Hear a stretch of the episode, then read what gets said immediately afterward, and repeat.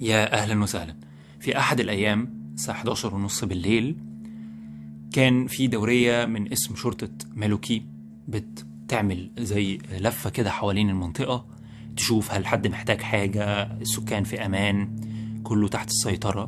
وفجأة تلاقي شاب بيجري ناحيتها بيحاول إن هو يطلب المساعدة. فوقفت الدورية ونزلت للشاب وعرفت إن اسمه تريسي. الشرطة قالت إن تريسي كان أسمر ما كانش لابس حاجة من فوق وكان في إيده في كلبشات. وقال لهم إنه في واحد اسمه جيف آه، وده كانت كل المعلومات اللي هو يعرفها عنه.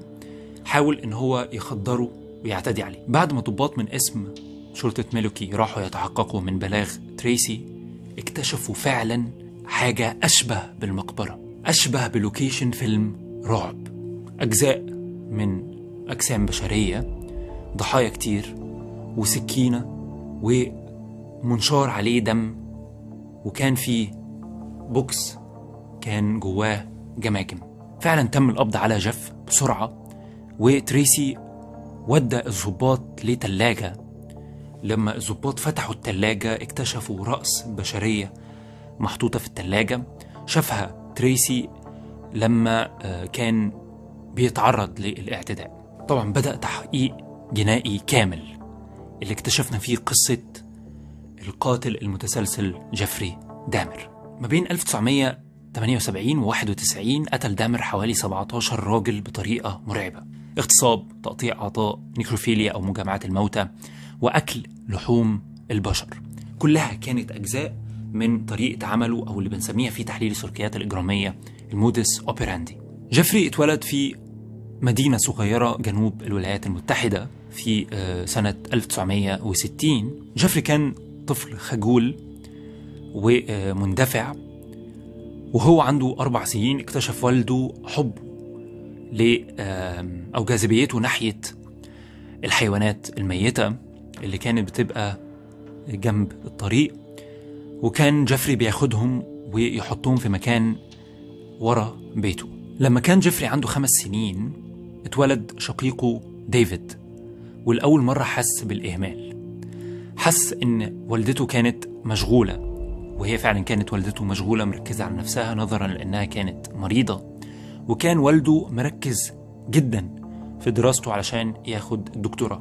بدأ هوس جيفري بالحيوانات يزيد وبدأ إن هو يجمع حيوانات ميتة أكتر ويعالج جلودها بمواد كيميائية ويدفنها في مقبرة عملها ورا بيته. وبالرغم من هوسه الشديد بجمع الحيوانات لكنه ما كانش بيستمتع إطلاقا بتعذيب الحيوانات لحد الموت زي ما أغلب القتلة المتسلسلين كانوا بيعملوا وكان مجرد مهووس بأحشائهم بالحاجات اللي جواهم بأعضائهم. كان والد جيفري مهندس كيميائي والدته كانت مريضة بمرض الهستيريا والاكتئاب والتفكير الانتحاري. والأمراض النفسية الجسدية. كان أهله مش مستقرين خالص في حياتهم على خلافات مستمرة مع بعض وكان الخناقات ما بتهداش وكل ده كان قدام الطفل الصغير جيفري. من المهم إن أنا أعرف إن التجارب الطفولة السلبية والنوبات المبكرة المؤلمة بتعزز من احتمالية تطور السيكوباتية وبالتحديد السادية في مرحلة البلوغ. مهم في الحتة دي إن أنا أوصف لك إزاي جيفري دامر كان شايف حياته. جيفري كان شايف إن البيت كان مليان بالخلافات العائلية وكان ده مسبب له صداع كبير جدا. وفي المدرسة كان شايف إن حوالينه شوية أغبياء متكبرين. التقلبات الاجتماعية والأسرية اللي حصلت في حياة جيفري دامر خلته شخص ملوش أي اهتمامات. وما بين الست سنين والثمان سنين عائلة جيفري عزلت ثلاث مرات لمدن مختلفة.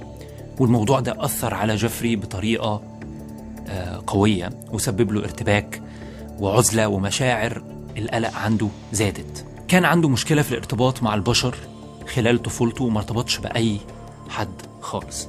حتى في المدرسة الابتدائية كان منعزل اجتماعيا ملوش غير شوية معارف سطحيين وأطفال المدرسة كانوا بيشوفوه شخص غريب ومريب. وذكر جيفري دامر لطبيبه النفسي اللي عينته المحكمة أثناء محاكمته إن هو ما كانش بيستمتع بالرياضة خالص. كان دايما بيعتقد إن اللاعبين التانيين أحسن منه وكان بيحسدهم وفي بعض الأحيان بيشعر بالغضب تجاه الموضوع لدرجة إنه كان عنده أفكار إن هو يقتلهم علشان ما يبقاش فيه منافسة بينه وما بينهم ويبقى هو الشخص المسيطر. في السياق ده نقدر نقول إن هو طور أول تخيلاته تجاه النيكروفيليا أو حبه لمجامعة الموتى لأن هو شاف إن إن الجثث عمرها ما هترفضه وإن هو هيبقى آه، ال- اليد العليا آه، عليهم. واكتشف رغباته الجنسية المثلية في النقطة دي. وهو عنده عشر سنين حس بالذنب تجاه اضطرابات والدته العقلية لأنه كان معتقد إن هو السبب في معاناتها. ودي طبعا أضافت له تأثير وزودت له الإحباط والاكتئاب ومشاعر كره الذات اللي مر فيها. وهو فعلا قال بنفسه إن هو شخص عنده لا مبالاة وإنه مش بيحس بأي مشاعر طبيعية وإنه مجرد شعوره الوحيد هو إنه منبوذ مش منتمي لعائلة أو شبكة اجتماعية. لما تم سؤاله على فكرة التنافس ما بينه وما بين أخوه أنكر الموضوع وقال للطبيب النفسي باليرمو اللي عينته المحكمة إن مطالب والده الصارمة وسلوك والدته غير المتوقع والجدل اللي كان ما بينهم عصبه. كان جيفري دامر عنده تخيلات إن هو عايز يدمر نفسه واللي حواليه وأي حد بيحاول يقرب منه. وهنا نشوف إن هو بدأ غضبه يبقى ذاتي وموجه كمان للآخرين. وهو عنده 13 سنة ازدادت مشاكله مع التواصل الاجتماعي وبدأ على سن ال 14 سنة يشرب الكحول لأن في اعتقاده كده هيتغلب على يأسه بسبب عدم تفاعله مع زمايله وإن كده هيطرد الأفكار الجنسية القهرية والعنيفة. كان واعي بالعنف اللي جواه لدرجة إنه كان بيخاف من عنفه. وجيفري قال إن هو استسلم عن فكرة التواصل مع الناس شاف إن هو خلاص وصل أو فشل في إن هو يتواصل معاهم. جيفري قال لطبيبه النفسي برضو إن هو ما فكرش في نفسه أثناء الطفولة والمراهقة. ويمكن دي كانت بداية تدني احترامه لنفسه اللي قال بعد كده إن هو كان بيمر فيه. فتحول جيف لشخص مهتم بالحيوانات وشرب الخمور آه، كنوع من الترفيه وفضل إن هو يشرب طول فترة المدرسة الثانوية وده ما منعهوش إن هو يتخرج في 1978 وفي سن ال 18 سنة ارتكب أول جريمة قتل. بعد انفصال أهله اتساب جيفري دامر في البيت لوحده وهنا تكمن مشكلة كبيرة جدا. شخص صاحب سلوكيات منحرفة قاعد لوحده هينتهز فرص وتسيطر عليه أفكاره المظلمة. وده فعلا اللي حصل مع جيفري دامر. في يوم من الأيام كان في ولد اسمه ستيفن هيكس. كان الولد ده بيدور على آه، مواصلة في الشارع بيسموهم ال hitchhikers اللي هم بيدوروا على مواصلات مجانية توصلهم في سكتهم. ولسوء حظه قابل جيفري دامر وعرض عليه إن هو يوصله ولكن هيقف عند نقطة توقف اللي هي بيت والده ويشربوا بيرة آه، مع بعض لما قرر بعدها ستيفن إن هو يمشي جيف ضربه على راسه بوزن حوالي 10 pounds جيفري شرح الجثة وحللها واعترف بعدين إنه كان عايز ستيفن يقعد معاه علشان ما يحسش بالوحدة. تعدي تسع سنين ويرجع تاني جيف على أرض. الواقع يدور على فريسة أخرى ينفذ عليها تخيلاته. على ذكر موضوع التخيل مرور الطفل في سوء معاملة شديدة بيخليه يبني عالمه الخيالي ويوسع مداركه وده بيظهر لك إن التخيلات بتكون مسيطرة بقوة على القتلة المتسلسلين واستمرارها لفترة طويلة بيؤدي إن هم يتقنوا جدا جرائمهم بشكل دقيق بحيث لا يتم القبض عليهم أبدا. وده شفناه هنا مع جيفري دامر إنه إزاي أتقن جرايمه بقوة وفضلت غير مكشوفة لفترة طويلة. في مقابلات متعمقة مع قتلة متسلسلين مسجونين قالوا إن أكتر حاجة كانت موجودة ومشهورة في الطفولة واللي توسعت لفترة المراهقة والبلوغ هي ال daydreaming أو أحلام اليقظة. غالبا بتبقى ال daydreaming هي بداية الرحلة عن طريق التخيل القتل والعنف الجنسي لسنوات قبل ما يبدأوا رحلتهم مع أول ضحية.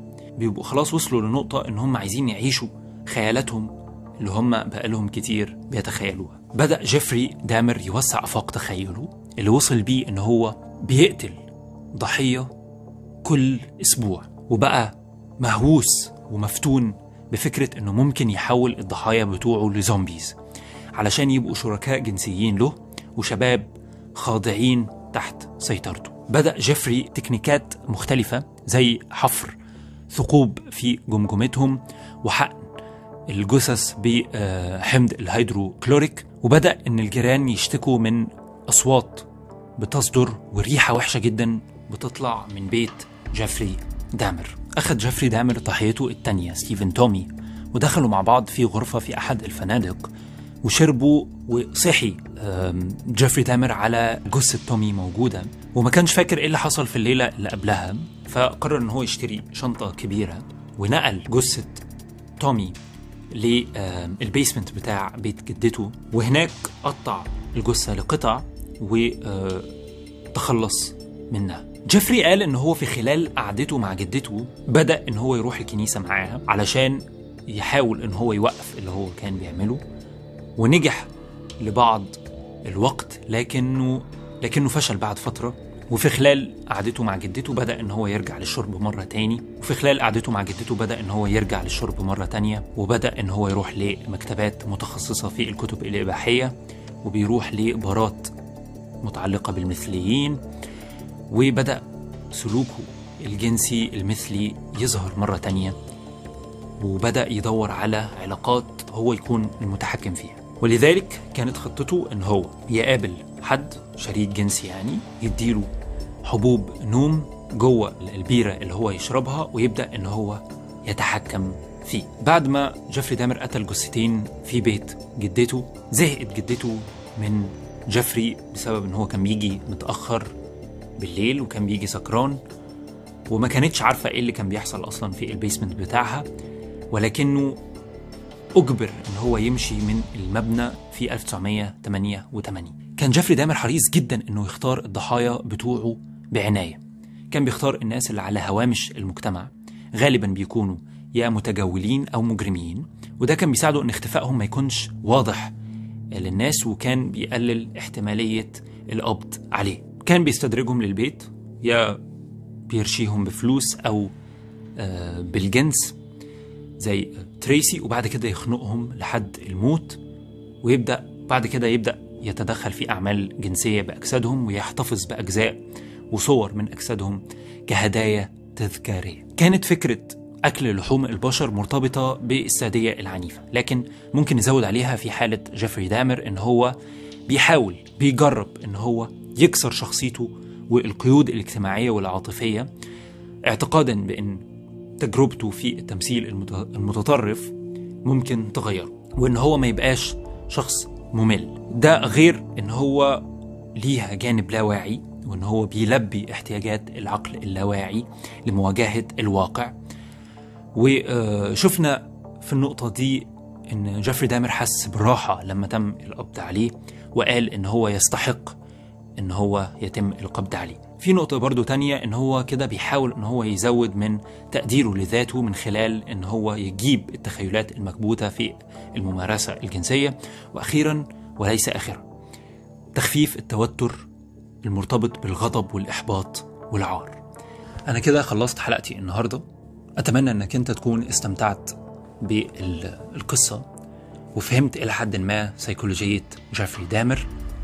وإن شاء الله يوم الجمعة الجاية هتكون في الجزء الثاني وهو أقرب لتحليل أدق وتشخيص لحالة جيفري دامر. كمان لو لسه ما شفتش الحلقات السابقة ارجع شوفها. واستنى الحلقات اللي جاية بإذن الله. وإن شاء الله كل مرة في محاولة للتحسين. شكرا. والسلام عليكم.